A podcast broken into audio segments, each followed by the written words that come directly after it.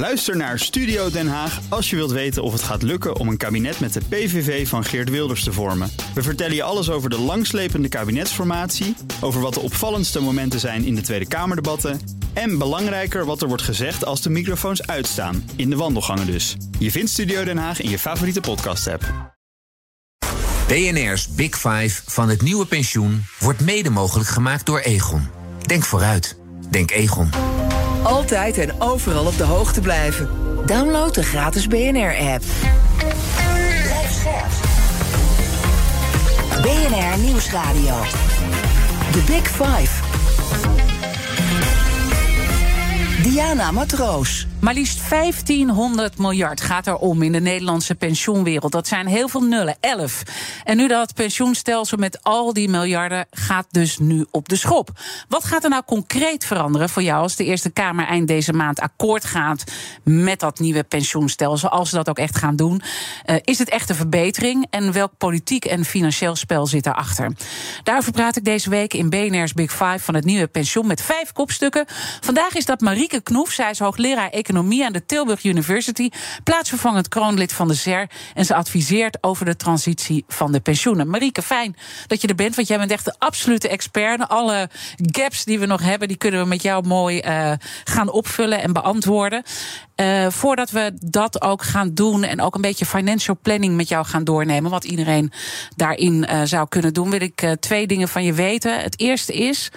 Wat is jouw fascinatie met pensioenen? Want je bent er al heel lang mee bezig. Zeker, ja, sinds 2006 ben ik ermee bezig. Zo. En um, de fascinatie zit wel in het vraagstuk waar iedereen eigenlijk elke dag mee te maken heeft: van goh, hoe ga je uh, geld, maar ook vrije tijd uh, verdelen over je leven heen? Uh, hè, eigenlijk wil je die euro uitgeven op dat moment in je leven dat je er ook het meeste nut uit kan halen. zelf, toen ik klein was, toen hield ik veel van origami papier, van die vouwblaadjes waar je dan vogels en uh, vlinders van kan maken. uh, en uh, toen ik 18 werd, nou, ging ik het huis uit en zeiden mijn ouders: Goh, je moet de kast opruimen. En ik kwam daar al die origami papiertjes weer tegen. En ik dacht, ik heb dat helemaal verkeerd gedaan. Want ik had ze gewoon moeten gebruiken toen ik jong was. In plaats van sparen. En op mijn 18e ja, deed ik er niet zoveel meer mee. nou is dat klein leed. Maar met pensioen kan dat natuurlijk ook zo gaan. Dat je te veel, te veel spaart. spaart of te weinig spaart. Um, en nou, dat is best een lastig vraagstuk. Dus je zegt eigenlijk, we moeten er gewoon veel beter over nadenken. Ik denk dat we dat ons allemaal moeten aantrekken. Want iedereen die ik tot nu toe heb gesproken zegt... oei, ik heb er toch niet zoveel aandacht aan besteed. Uh, maar dat gaan we doen met jou. Uh, maar we moeten ook even alle uh, grote problemen gaan aankaarten... die er ook zijn met dat nieuwe stelsel. En dat is eigenlijk mijn tweede vraag. Want er is zo lang onderhandeld hè, over dat nieuwe stelsel. We, we, zien het allemaal nog voorbij komen. Akkoord, toch geen akkoord, wel een akkoord. Rutte en Koolmees erbij uiteindelijk kwam er uh, een akkoord. Maar nu vakbond uh, CMHF heeft zijn leden eerder deze week opgeroepen om bezwaar te maken tegen de overheveling van hun pensioen naar het nieuwe stelsel. En dan is dat toch een beetje apart, want die mensen hebben via ABP hebben ze aan die onderhandelingstafel gezeten. Wat is er, wat is er gebeurd? Ja, je ziet toch dat er onrust is. Uh, het is natuurlijk best wel spannend, uh, die transitie van het oude stelsel naar het nieuwe stelsel. We hebben een grote pensioenpot, uh, 1500 miljard. Dat moet opgedeeld worden in stukjes eigenlijk voor alle mensen. Um, en je merkt dat, daar niet, dat niet iedereen daar vertrouwen in heeft. Ik denk dat dat ook uit het verleden komt. Dus in het, we hebben natuurlijk, er is gezegd, goh, in het verleden, mensen, maak je geen zorgen, dat pensioen, dat komt allemaal wel goed. nou, dat bleek toch niet zo goed te zijn. Of in ieder geval, er kon niet altijd geïndexeerd worden. Soms moest, moest er zelfs gekort worden. Dus mensen zijn daarin teleurgesteld. En dat maakt dat ze ook dat dat vertrouwen in nou ja, deze transitie bijvoorbeeld ook ja, onrust met zich meebrengt. Hoe schadelijk is dat vertrouwen?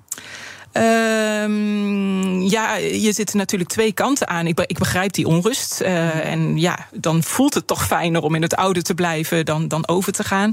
Uh, tegelijkertijd biedt het nieuwe stelsel natuurlijk ook een aantal voordelen. En zolang je nou niet overgaat naar het nieuwe stelsel, kun je ook niet van die voordelen uh, gebruik maken. Als ik aan jou zou vragen, vertrouw jij het voldoende? Wat, wat zou, zou je antwoord dan zijn? Uh, ik, ben, uh, ik ben positief over de veranderingen van het oude naar het nieuwe stelsel. Dus ik denk het nieuwe stelsel nou, is, beter, is meer toekomstbestendig en sluit beter aan op de huidige samenleving. Maar die transitie is inderdaad best wel spannend hoe dat te doen. En nou, dat het al, allemaal goed gaat.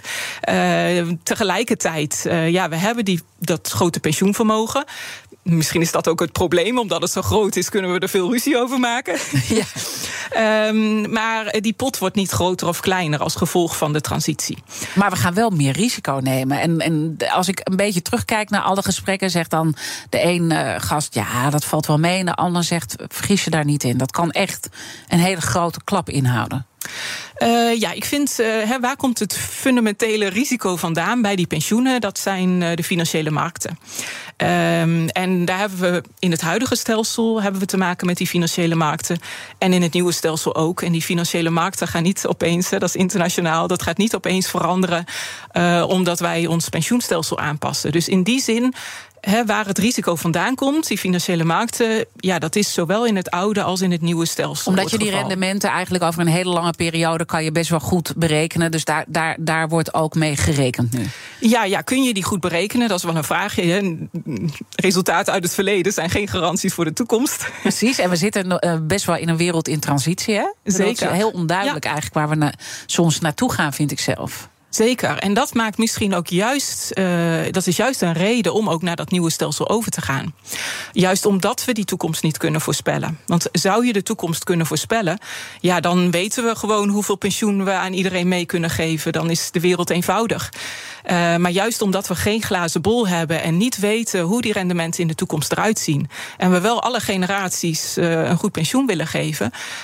nou, dat is een reden om dan toch ook over te gaan naar dit nieuwe stelsel. Omdat je anders, als je hiermee door was gegaan, dat was echt totaal onhoudbaar geworden. En uh, dan zouden we misschien nog meer moeten gaan korten in de toekomst. Uh, ja, dus in het huidige stelsel doen we beloftes. Maar eigenlijk die beloftes, ja, die kunnen we niet. Uh, de wereld is veranderd. In het verleden kon je die garanties nou, nog uh, een redelijk beetje eh, doen, omdat we relatief veel werkende mensen hadden ten opzichte van het aantal gepensioneerden. Dus als het echt heel erg tegen zat op de financiële markten, nou kon je ook nog met het premie nou, ervoor zorgen dat toch die pensioenen gegarandeerd konden mm -hmm. worden. maar dat gaat niet meer vanwege de vergrijzing. Er zijn nou relatief veel gepensioneerden ten opzichte van het aantal werkenden dat premie betaalt. dus als het tegen zit ja, uh, hebben de pensioenen, he, ook de gepensioneerden hebben daar last van.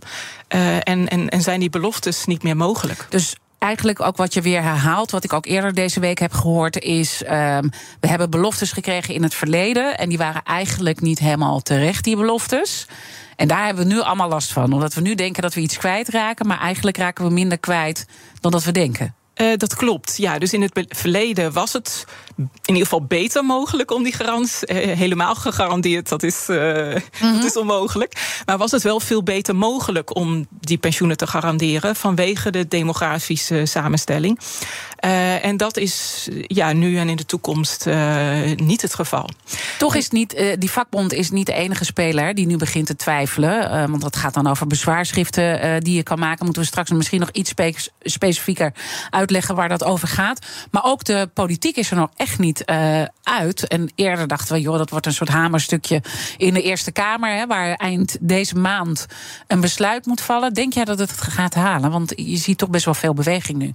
Ja, uh, ja zeker weten doe je het nooit. Nee, nee. Maar wat is jouw inschatting? Want je loopt zo lang mee. Ik, uh, ja, voor zover ik daar een inschatting over kan doen, denk ik dat de kans dat het doorgaat groter is dan dat het niet doorgaat. Um, en de praktijk zal dat uitwijzen. Ja. Wat ik wel een belangrijke punt vind in dat nieuwe stelsel, is dat er meer maatwerk nodig is. We hadden het net over die risico's. En jij zei, hè, hoe zit dat nou met die risico's? Uh, nou, nu op, in het huidige stelsel wordt die pensioenpot uh, in één keer belegd. En heb je dus ook voor iedereen hetzelfde risico en hetzelfde rendement. Um, en stel je bent als jongere, zit je in een fonds met heel veel ouderen, ja, dan, dan wordt er uh, besloten om maar niet. Uh, nou, voorzichtig te beleggen. Hè? Want je kunt niet opeens voor al die ouderen. die willen een beetje stabiliteit in hun, in hun pensioen hebben. Maar dat betekent wel dat als jongere. dat je daar, ja, ik zeg maar even last van hebt. Omdat als jongere heb je er baat bij dat er wat meer risico genomen wordt. met ook een hoger verwacht pensioen. En dat is in dat nieuwe stelsel. Mm-hmm. Dus je kan mogelijk. iets meer risico nemen. Maar aan de andere kant hoor ik ook steeds van...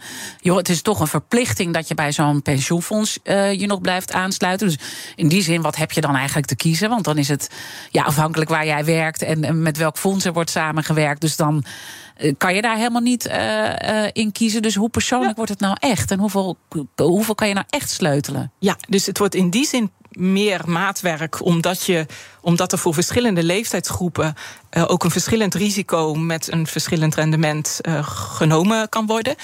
Uh, sommige mensen kunnen ook echt kie zelf kiezen. Hè, wil ik een laag, midden of hoog beleggingsprofiel? maar voor de meeste mensen wordt dat besloten. waarbij wel in de nieuwe wetgeving het geval is dat, dat, ook, ehm, dat er zeg maar, enquêtes gehouden moeten worden onder de mensen ja. in dat pensioenfonds om na te gaan van ja, hoe, hoe, risicovol moet dat geld nu eigenlijk ja, belegd en, en worden? Toch, toch krijg ik dan een beetje jeuk, sorry dat ik het zeg, met Ja. enquêtes. Ja. Want we weten allemaal hoe we met de enquêtes uh, omgaan. Um, ja, ik bedoel, misschien vult de een hem wel in, maar. Weet je, hoe goed wordt er dan echt over nagedacht? En Ja. zijn mensen toch te veel het stuur uit handen aan het geven? Want ik blijf het maar even herhalen. Als je eh, vijf dagen in de week werkt, werk je één dag in de week voor je pensioen. Al die jaren, dat is een hoop vrije tijd, hè? Dat is zeker. Dus Ja, dat is en aanzienlijk. geld. Ja, Eh, dus daar moet ook heel goed mee omgegaan worden. En ik denk wel, eh, ja. eh, Terecht wat je zegt, hè, enquêtes, hoeveel mensen vullen dat in en hoe goed vullen ze dat in, daar moet zeker uh, veel aandacht voor zijn.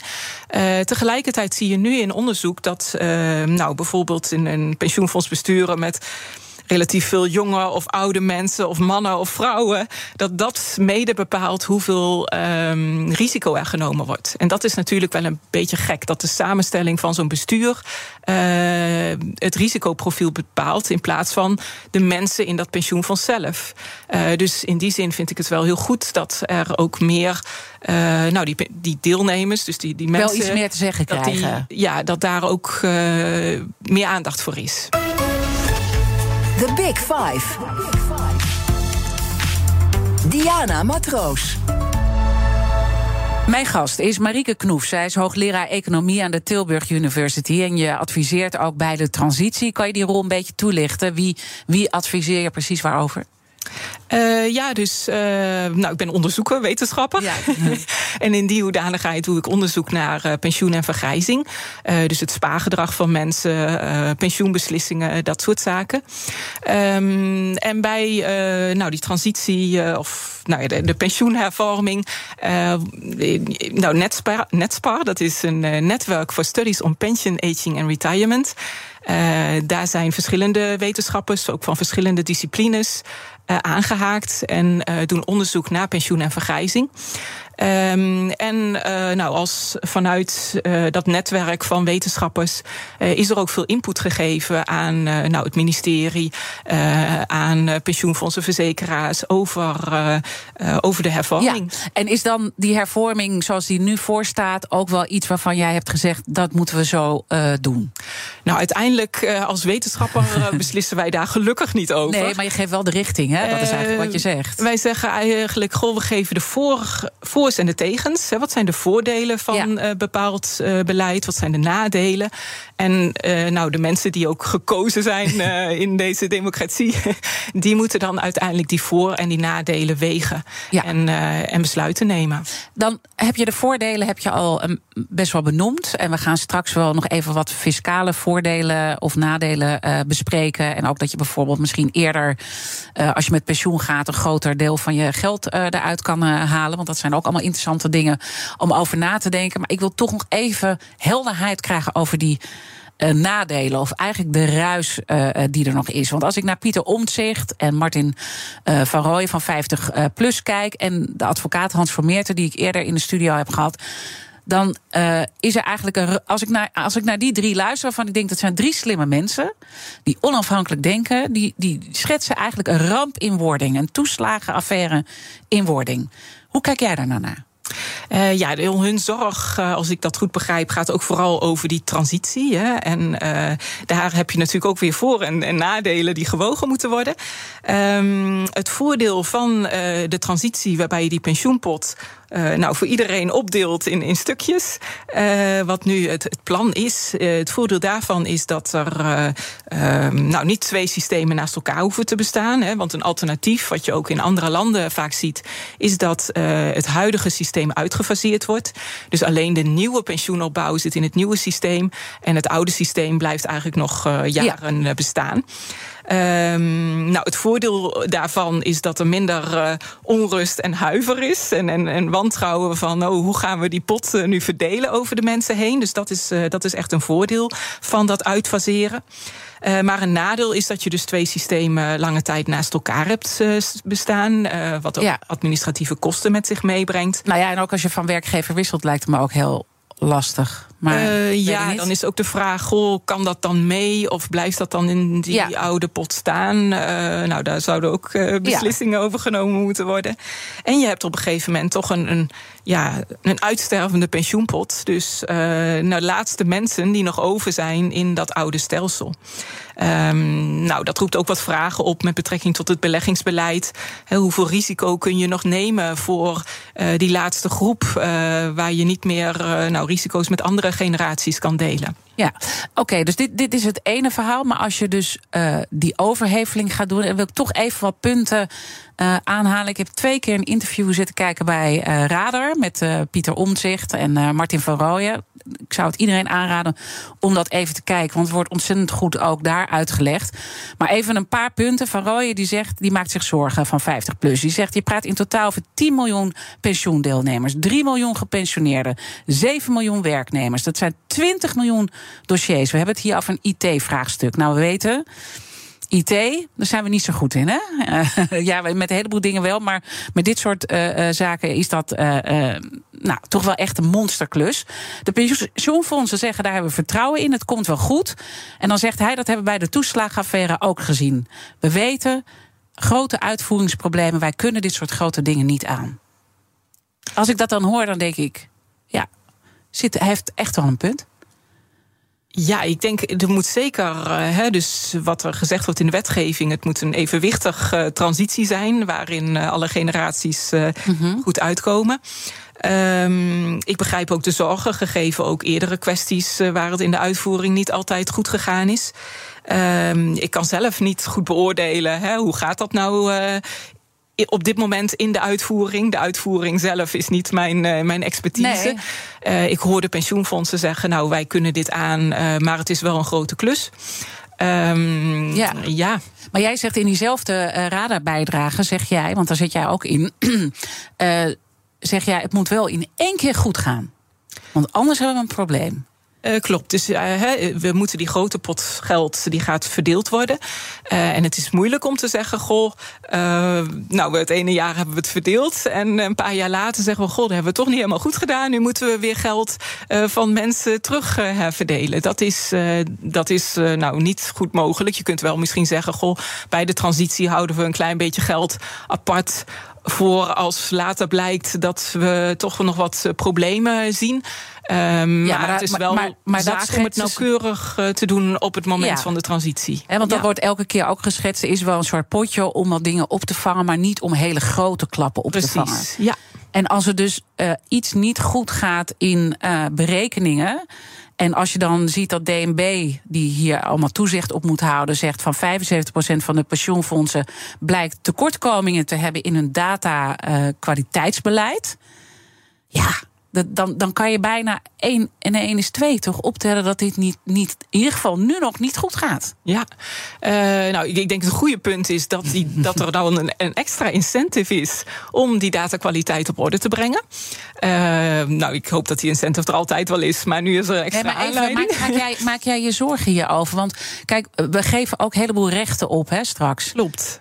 Uh, en, en ik vind het toch wel belangrijk dat ik hier ergens in deze week een antwoord op krijg, zover dat lukt. Want ik hoor dus die, die paar slimme mensen roepen. Pas nou op wat we aan het doen zijn. Want ook de rechter heeft een uitspraak gedaan dat je geen aanspraak kan maken op wat je nu hebt. Klopt toch wat ik zeg? Uh, ja, dus de, uh, de belofte blijft geen belofte. Exact. En, uh, dus dan ben je dus eigenlijk afhankelijk van hoe die uh, berekening gemaakt gaat worden. En dan komt er straks iets waarvan we denken: wat? Waar is mijn geld gebleven? Als je het al door hebt, want dat verhaal wordt ook geschetst. Een heleboel mensen krijgen pas door als ze met Weet je, als je met pensioen bent, dan zie je meteen natuurlijk wat er gebeurt met het geld. Ja, zeker. Uh, ik denk, kan, kan, je dus niet meer terug. Dus help, help mij nu om van die zorg af te komen. Of dat ik me er echt zorgen over moet maken met heel veel andere mensen. Ja, ik, ik kan je niet helemaal van de zorg afhelpen. Hoe zou ik dat graag doen? Maar uh, het is uh, een, een, een, flinke transitie die ook internationaal gezien uniek is. En, en ook veel nou, werk met zich meebrengt en ook veel vragen oproept. Um, dus dat is de ene kant. Uh, de andere kant is dat het nieuwe stelsel wel echt voordelen met zich meebrengt. Um, ja, en om daarna over te gaan um, is, ook, uh, is ook een voordeel. Ja, dus dat en die, voordelen, die, die, ehm. voordelen zie ik. Alleen wat ik, wat ik zo eng vind, is dat er een soort black box is. Wat niemand dus echt goed kan uitleggen. Wat, waar, waar, hoe erg het mis kan gaan bij het overstappen. En nu geven we dus straks een recht uit handen. Want we hebben dat aan de sociale partners uh, ook overgelaten. Die, die, en de, de vakbonden zijn er allemaal uh, mee bezig. En ja, straks is het gewoon vloep weg. Uh, nou, vloep weg, dat valt gelukkig mee. Want die, die, die pensioenpot die blijft even groot. Maar het punt is, hoe gaat je die pensioenpot verdelen over de mensen heen? nou, dat wordt naar eer en geweten met berekeningen gedaan. Mm -hmm. maar we weten dat de 40, 50-plussers echt een probleem is. Want er is honderd... Kijk, om, om het goed te begrijpen moet je die doorsnee systematiek goed begrijpen. Hè. Vroeger nou, was je dan je hele uh, leven aan het bijdragen voor ouderen. Maar dat halen we er nu uit, omdat het niet eerlijk is uh, voor uh, jongeren die toch vaak nu een ander carrièrepad volgen. Maar er zijn dus nu mensen van 40, 50 plus die al heel lang hebben meegedragen aan dit oude systeem. Die worden ook allemaal overgeheveld naar het nieuwe systeem. En er is dus vloep 100 miljard weg en er is geen oplossing voor. Ja, ik ben zelf een 40, nou, 40 jaar, ik. dus ik zit precies in deze generatie. Ja. Uh, en inderdaad, hè, dus uh, in de eerste helft van je werkende leven heb je eigenlijk wat te veel betaald voor je pensioen. In de tweede helft eh, zou je dan wat te weinig betalen, maar dat gaat dan niet meer door als we in het nieuwe stelsel zitten. Um, daar wordt wel, uh, dus, dus er wordt wel gezegd, de, de, de, de bedoeling is dat die transitie evenwichtig plaatsvindt. Dus dat er ook uh, daar gecompenseerd uh, kan worden. Maar die is niet verplicht. Maar die is niet, die is niet verplicht. Want inderdaad. dat heeft Martin van Rooyen heel duidelijk gezegd. Dames en heren, hij is niet verplicht. Dat klopt, ja. En tegelijkertijd is dit ook wel iets, voor mij als individu, ja. is dit een spannend iets. In de zin van, goh, ja, maak jij je misschien, over. misschien heb ik hier wel een nadeel van deze transitie, omdat ik eh, misschien niet volledig gecompenseerd word. Dat, zit er, dat zou heel goed kunnen. Tegelijkertijd denk ik, we hebben ook een belang met, met z'n allen. En, en het feit dat die, die doorsneesystematiek, zoals die heet, uh, eraf gaat. Dat betekent wel dat er ook meer, um, uh, nou, meer gelijkheid is. In die zin, op dit moment, vanwege dit systeem, mm -hmm. uh, geldt dat, nou, ik zeg even de hoogleraar zoals ik, kan op oude leeftijd relatief goedkoop pensioen opbouwen. En de vuilnisman, die een veel vlakker loonprofiel heeft, die kan dat niet. Of die, die heeft daar minder baat bij. Dus er is eigenlijk op dit moment herverdeling van de hoogleraar uh, moet ik het goed zeggen, van de vuilnisman naar de hoogleraar. Dat is eigenlijk een systeem wat je niet wil. Oké, okay. dus, uh, laten we zo meteen ja. hier wat verder op doorakkeren, want ik vind het heel interessant. Um, overigens praat ik er morgen ook over met FNV-voorzitter Tuur Elsinga, want die heeft ook uh, ja gezegd op dit hele verhaal. Dus ik ben ook benieuwd hoe hij daarnaar kijkt. Maar straks praat ik uitgebreid verder met hoogleraar Marieke Knoef. En ook over de beste communicatieaanpak rond de pensioenhervormingen. En dan gaan we ook uitgebreid over de ZZP'ers praten. Blijf luisteren. Ook Harm Edens vind je in de BNR-app. Je kunt BNR Duurzaam niet alleen live luisteren in de app, maar ook terugluisteren als podcast, zoals al onze podcasts. En naast dat de BNR-app Breaking News meldt, houden we je ook op de hoogte van het laatste zakelijke nieuws. Download nu de gratis BNR-app en blijf scherp.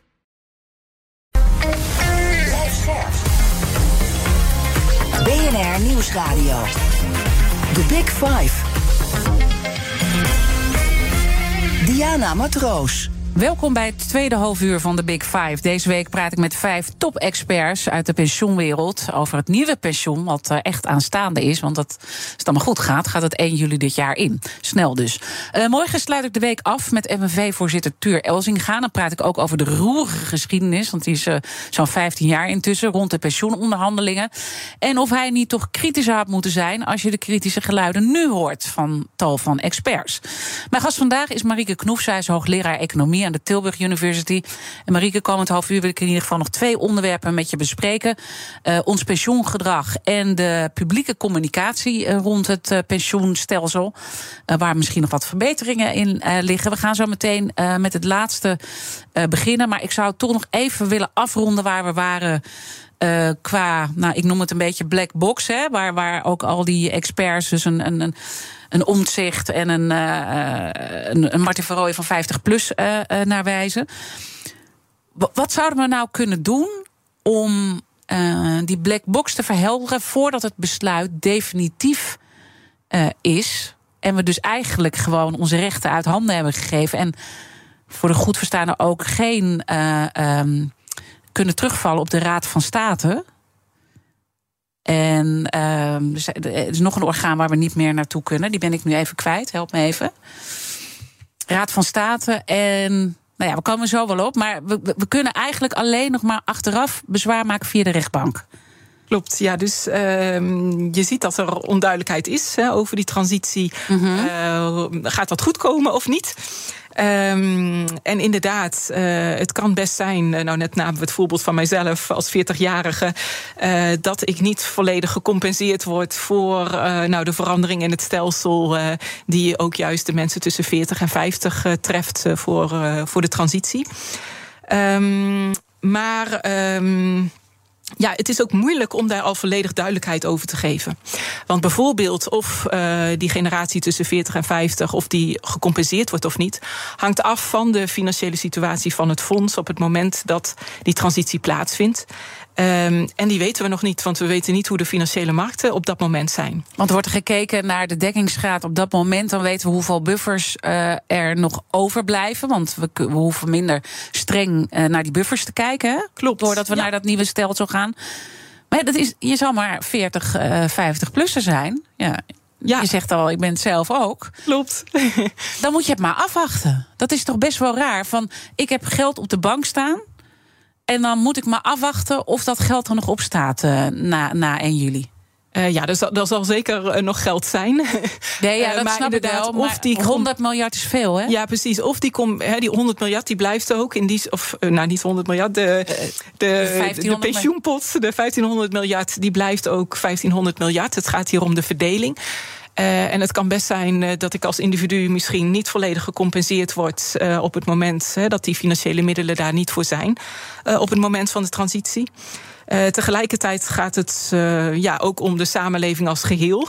Uh, met dat nieuwe stelsel uh, mm-hmm. ja, komt er wel ook, komen er betere pensioenen voor alle ook toekomstige generaties. Uh, en ja, dan is een transitie op een gegeven moment ook nodig om daar te ja. kunnen komen.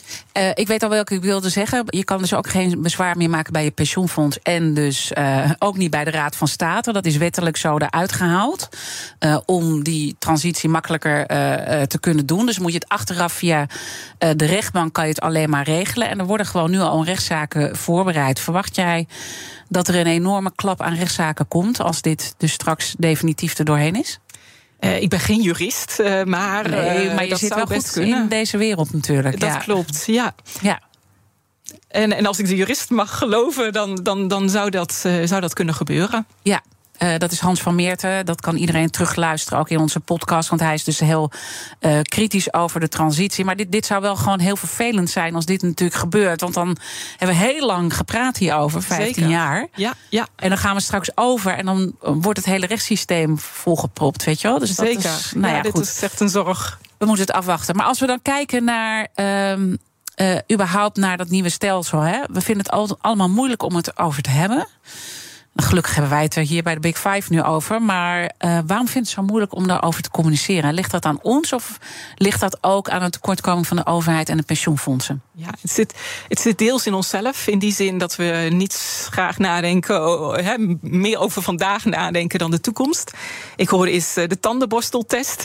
Je maakt je pas druk om dingen als je ze ook twee keer per dag nodig hebt en anders uh, veel minder.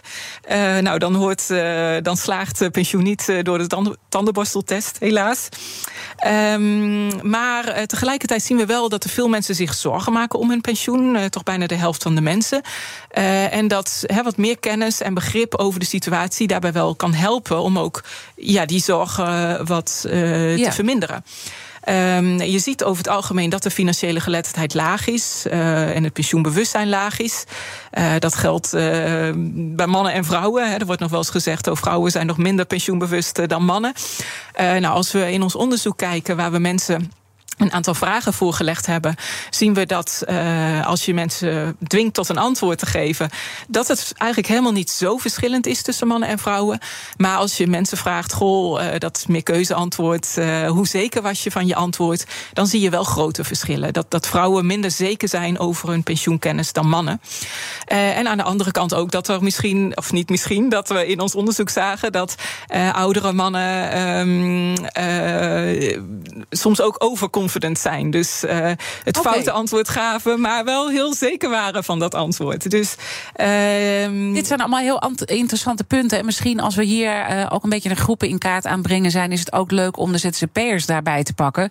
Want daar gaat de kettingvraag over van uh, Johanne Kellerman, bestuursvoorzitter van het Pensioenfonds Zorg en Welzijn, die ik gisteren sprak. En zij wilde dit van jou weten. De vraag die ik aan Marieke wil stellen is: hoe bereiken we nou al die mensen die niet deelnemers zijn bij een pensioenfonds? Al die freelancers, al die ZZP'ers die geen pensioen opbouwen. Hoe krijgen we hen mee en hoe maken we hen pensioenbewust? Ja, een hele goede vraag. En ook een hele belangrijke vraag. Want we zien het aantal ZZP'ers uh, is toegenomen. Uh, en er zijn wel zorgen over die pensioenopbouw van die ZZP'ers. Dus in ons onderzoek zagen we, nou, als we naar de hele bevolking kijken, dat zo'n 20 tot 30 procent van de mensen, uh, nou, mogelijk wel te weinig pensioen opbouwt. Maar onder de ZZP'ers is dat uh, 40 procent. Dus dat is echt een, een substantiële groep. Dat komt omdat ZZP'ers ook zelf verantwoordelijk zijn voor die pensioenopbouw. Waar dat bij een werknemer, nou in, in het merendeel van de gevallen, 90% van de werknemers bouwt automatisch pensioen op. Um, ja, en waarom doen die ZZP'ers dat nou niet? um, nou, deels zit dat in ons, in ons gedrag. Hè. We hadden het net al over het heden, dat, belangrijk, dat we belangrijker vinden dan de toekomst. Uh, we willen wel pensioen sparen en we vinden dat wel belangrijk. Uh, maar nou, daar ga ik dan volgende week mee aan de slag en nog niet vandaag. En, mm -hmm. en volgende week, dan komt er weer een volgende week en, en zo gaat dat verder. Uh, je hoort ook wel over geanticipeerde spijt. Dus ik wil wel echt daar ook een goede keuze over maken. Um, dan moet ik me er echt even goed in gaan verdiepen. En juist daarom vindt er, omdat je bang bent een verkeerde keuze te maken, maak je misschien wel helemaal geen keuze. En nou is uiteindelijk de situatie uh, nog slechter. Ja.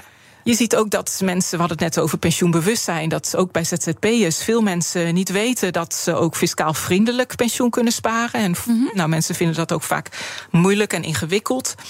Um, je ziet ook uh, nou, verliesaversie. Hè. Een, een, verlies hakt er twee keer zo hard in in je hoofd, emotioneel, dan, uh, dan een En wat winst. bedoel je daarmee met die verliesaversie? Uh, nou, in dit kader, dat hè, als ZZP'er moet jij vanaf jouw bankrekening geld overmaken naar dat pensioenproduct.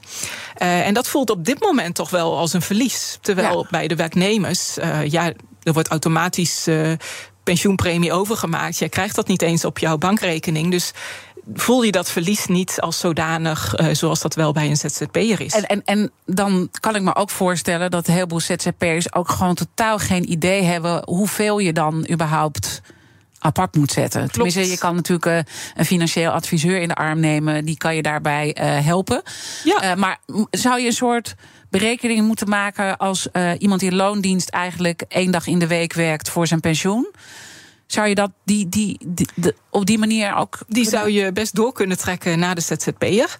Uh, dus, dus echt wel veel. Dus, hè? Is echt ja. wel veel. Ja, ja, er zijn wel verschillen tussen mensen. Hè. Dus uh, wat is je huisartsituatie? Hoe zit het met een eventuele partner? Um, heb je je huis misschien deels afgelost of niet? Uh, hoe zit het met spaartegoeden? Um, hoe zit het met je ambitie voor wat betreft uitgaven na pensionering? Dus er zijn wel echt verschillen tussen mensen die mede bepalen hoeveel je zou moeten sparen. En daarbij is ook wel de flexibiliteit een ding als het om de ZZP'er gaat. Want vaak eh, zijn er wisselende inkomsten.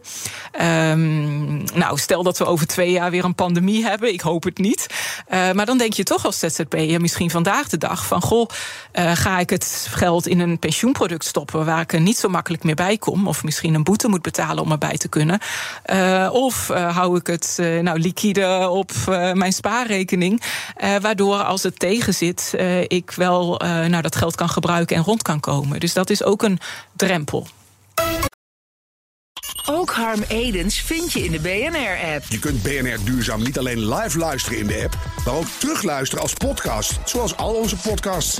En naast dat de BNR-app Breaking News meldt, houden we je ook op de hoogte van het laatste zakelijke nieuws. Download nu de gratis BNR-app en blijf scherp. BNR Nieuwsradio. The Big Five. Diana Matroos. Je luistert naar BNR's Big Five van het nieuwe pensioen. Eerder deze week sprak ik erover met hoogleraar Europees pensioenrecht Hans van Meerten. Hij is heel kritisch op het nieuwe stelsel.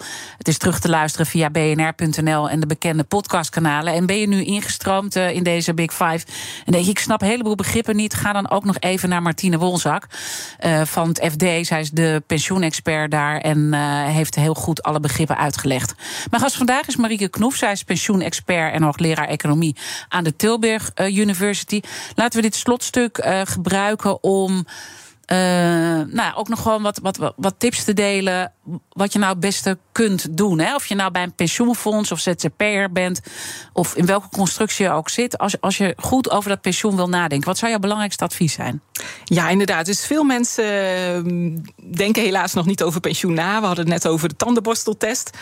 Um, en ik denk dat het zou helpen als je beseft, goh, dat pensioen dat is niet iets voor later ver weg. Dat gaat eigenlijk ook over vandaag.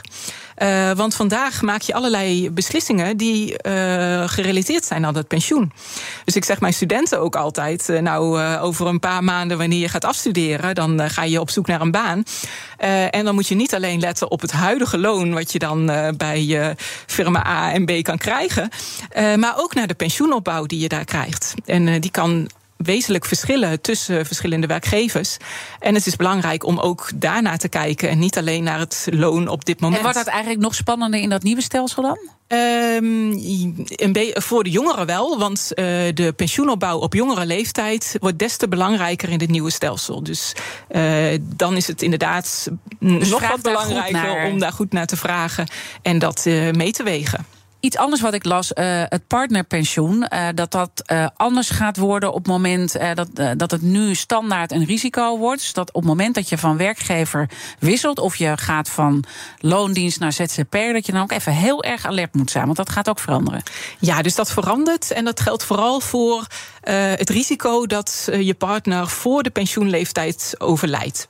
Uh, en uh, dat wordt inderdaad allemaal op risicobasis. En dat betekent dat het eigenlijk een soort verzekering is. Uh, en dat betekent ook dat als je nou, werkloos wordt of, of je gaat uit dienst omdat je ZZP'er wordt, uh, dat die verzekering stopt. Dus dat is wel iets. Maar wat betekent dat dan heel concreet?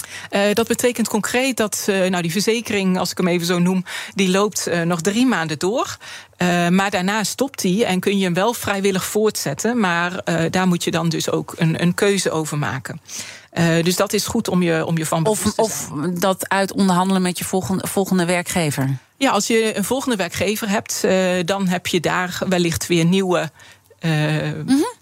Nou, weer nieuwe of andere, ja. ook via die nieuwe werkgever pensioenopbouw en wellicht ook nabestaande pensioen. Oké. Okay. zijn er nog andere tips die je graag zou willen delen?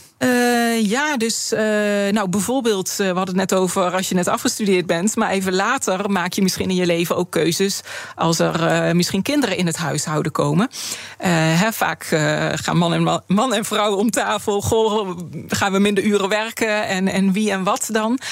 nou, ook dan is het wel van belang om te, na te denken over dat pensioen. Want hè, vaak wordt gedacht, nou, als een van beiden of allebei wat minder gaan werken, dan betekent dat natuurlijk wat voor het loon op dat moment. Uh, maar dat betekent ook wat voor de pensioenopbouw. Aha. En dat zie je dus vaak. Hier spreek jij vrouwen ook aan. Zeker. Zijn vrouwen en mannen of uh, allebei. Ja, we, mogen, we, we, hebben nog meer groepen, dus ik moet ook altijd oppassen met man en vrouw. Maar zeker. Maar... iedereen moet hier dus over praten van wie thuis blijft voor de kinderen of om wat voor reden ook. Als je dat samen overlegt, moet je dus eigenlijk met de ander afspreken van dan moet jij mij ook compenseren met mijn pensioen. Zeg, ja. zeg ik het zo een beetje goed? Inderdaad, dus en in die, in die afweging van nou, hoeveel uren ga ik minder werken, moet je dus ook meewegen dat niet alleen het huidige loon verandert daardoor en omlaag gaat, maar dat ook je pensioen omlaag gaat. Ja. Um, ja. Dus uh, nou, dat is ook een, een belangrijke. Ja. Um, nou, verder, uh, ja, we hadden het net over uh, pensioen, vooral in de vorm van he, dat, dat werknemerspensioen, waar je, wat je automatisch opbouwt als je werknemer bent. Uh, maar spaartegoeden, de eigen woning, uh, als je die hebt, uh, die kunnen ook bijdragen aan het financieren van de oude dag. stel dat je. Een ja, want zo doen veel ZZP'ers het ook. Hè? Zeker. Bedoel, ja, ja, dat is dan toch een beetje, oké, okay, je, je lost je huis af en met de meerwaarde kan je op een gegeven moment gewoon ja, iets Inderdaad. leuks doen. Ja, ja, ja. Uh, dus het gaat niet alleen om dat pensioenpotje dat je bij je werk, werkgever opgebouwd hebt, maar eigenlijk in brede zin over ook nou, de andere financiële middelen die je hebt. En het is goed om niet alleen naar de financiële middelen te kijken, maar ook naar uh, de behoeftes die je hebt. Uh, dus wat zijn je behoeftes na pensionering? Um, nou, uh, in de zin van wil je nog bijzondere dingen gaan doen? Of zeg je nou, ik blijf op dezelfde voet doorleven? Of ik heb misschien minder nodig, ook omdat de kinderen het huis uit zijn. Um, uh, ja, dus dat is goed om over na te denken. En overigens is het nu wel zo in het nieuwe stelsel, als je met pensioen gaat, uh, dan kan je best wel een, een, groot bedrag al opnemen, hè, wat eerder niet kon. Misschien Zeker. dat nog even, want dat, dat, ja. dat, maakt het ook weer een beetje sexy, misschien voor mensen die nu tegen hun pensioen uh, aanzitten. Inderdaad, dus als je tegen je pensioen aanzit in het nieuwe, of met een nieuwe hervorming, is er ook een mogelijkheid voor een lumpsum. Nou, wat betekent dat? Dat je 10% van je pensioenvermogen bij pensionering op kan nemen. Uh, en dat geeft wat meer flexibiliteit hè, om uh, bepaalde uitgaven te doen. Um, of als je bijvoorbeeld weet dat je nou, ziek bent en uh, nou, korter leeft dan gemiddeld, dan kan het ook goed dan kan je zijn om genieten. Wat, ja. wat eerder wat op te nemen. Um, uiteraard is natuurlijk ook ja, wel belangrijk om nou ja, dat je niet uh, 10% opneemt en later spijt krijgt van die keuze. Nee, Want dus... als je 10% opneemt, dan betekent dat natuurlijk ook dat het bedrag aan pensioen dat je in alle jaren daarna krijgt totdat je overlijdt, dat dat wat lager is. Ja. Um, en het is ook nog wel belangrijk om rekening te houden met wat, wat doet het met de belasting of met, met toeslagen die je misschien hebt. Uh, want als je, zeker als je dat, die lumpsum voor de AOW-leeftijd opneemt, uh, dan ja, kan het best een groot effect hebben op uh, nou, de toeslagen die je dan al dan niet ontvangt. Dus ja. dat is ook een belangrijk. En jouw, jouw uitleg is al zo fijn en helder. Ik denk, nou, dat mag wel iets beter gecommuniceerd worden dan door ja, moet ik dan de overheid aankijken en de pensioenfondsen, dat ze hier iets ja, meer dus... dit toegankelijk maken, ook voor ons? Want het is best, je moet best wel goed in de wedstrijd zitten, wil je dit een beetje kunnen volgen? Zeker, ja, ja. Nou, die keuze voor die lumpsum is er op dit moment nog niet. Dus mm -hmm. hè, uh, wanneer die er is, ja, dan zullen er ook kan ik me voorstellen, een soort van beslissingstools uh, zijn uh, om jou te helpen met, uh, met die keuze. Um, ja. Maar die is er nu nog niet. Overigens, wat jammer is, is dat je dus niet zo persoonlijk aan je budget kan zitten. Dat je bijvoorbeeld eerder zegt van ik wil investeren in een bedrijf en ik neem al wat van mijn pensioenpot op. Die flexibiliteit komt er niet. Of ik wil mijn huis verbouwen. Klopt, ja. Je, nou, wat er in die pensioenpot zit, is bedoeld voor pensioen. En. en Los van deze lumpsum, die ook begrensd is op 10 procent, uh, heb je daar. En, en, je kunt natuurlijk wel besluiten om eerder met pensioen te gaan. Dat is ook wel iets waardoor je echt uh, nou, deel van je pensioengeld naar voren haalt. Um, maar verder uh, zijn de keuzes beperkt. Het uurtje is bijna op, maar we moeten nog wel een belangrijke taak verrichten. Namelijk dat je een uh, korte bondige vraag stelt aan de volgende gast. Dat is FNV-voorzitter Tuur Elzinga. Wat zou je nou van hem willen weten? Uh, nou, ik uh, ben benieuwd om naar natuur te luisteren morgen. En um, mijn vraag die ik aan hem heb is: uh, nou, we worden steeds ouder. steeds vaker worden we 100 jaar. zal steeds meer voorkomen. En wat betekent dat nu eigenlijk voor het pensioen en de pensioenopbouw in de toekomst? Spannende vraag, want jij maakt je er zorgen over? Nou, ik denk het feit dat we allemaal zoveel ouder worden, dat heeft enorme impact op nou, verschillende onderdelen in ons leven. Hè. Zowel werk, uh, want nu doen we een opleiding aan het begin van ons leven. En uh, nou, daarmee uh, hopen we ons pensioen te bereiken. Nou, is dat nog wel zo als je je leven veel langer wordt en dus ook je werkende leven langer wordt? nou, relaties, eigenlijk, nou, je hele leven verandert erdoor als, ja. als, als, dat, als dat allemaal opschuift. Interessant. En ook pensioen. Ik ga het hem vragen morgen en dank voor al jouw boeiende inzichten. hoogleraar Economie aan de Tilburg University, Marieke Knoef. En luister zeker ook onze andere afleveringen terug van BNR's Big Five. Abonneer op onze podcast via onze app. Maar het allerbelangrijkste is, blijf live op deze zender. Zometeen Connor Klerks met BNR Breekt. Ik wens je een mooie dag. BNR's Big Five van het nieuwe pensioen wordt mede mogelijk gemaakt door Egon. Denk vooruit. Denk Egon. Ook Bas van Werven vind je in de BNR-app. Ja, je kunt live naar mij en Iwan luisteren tijdens de ochtendspits. Je krijgt een melding van Breaking News. En niet alleen onze podcast Ochtendnieuws, maar alle BNR-podcasts vind je in de app. Download nu de gratis BNR-app en blijf scherp.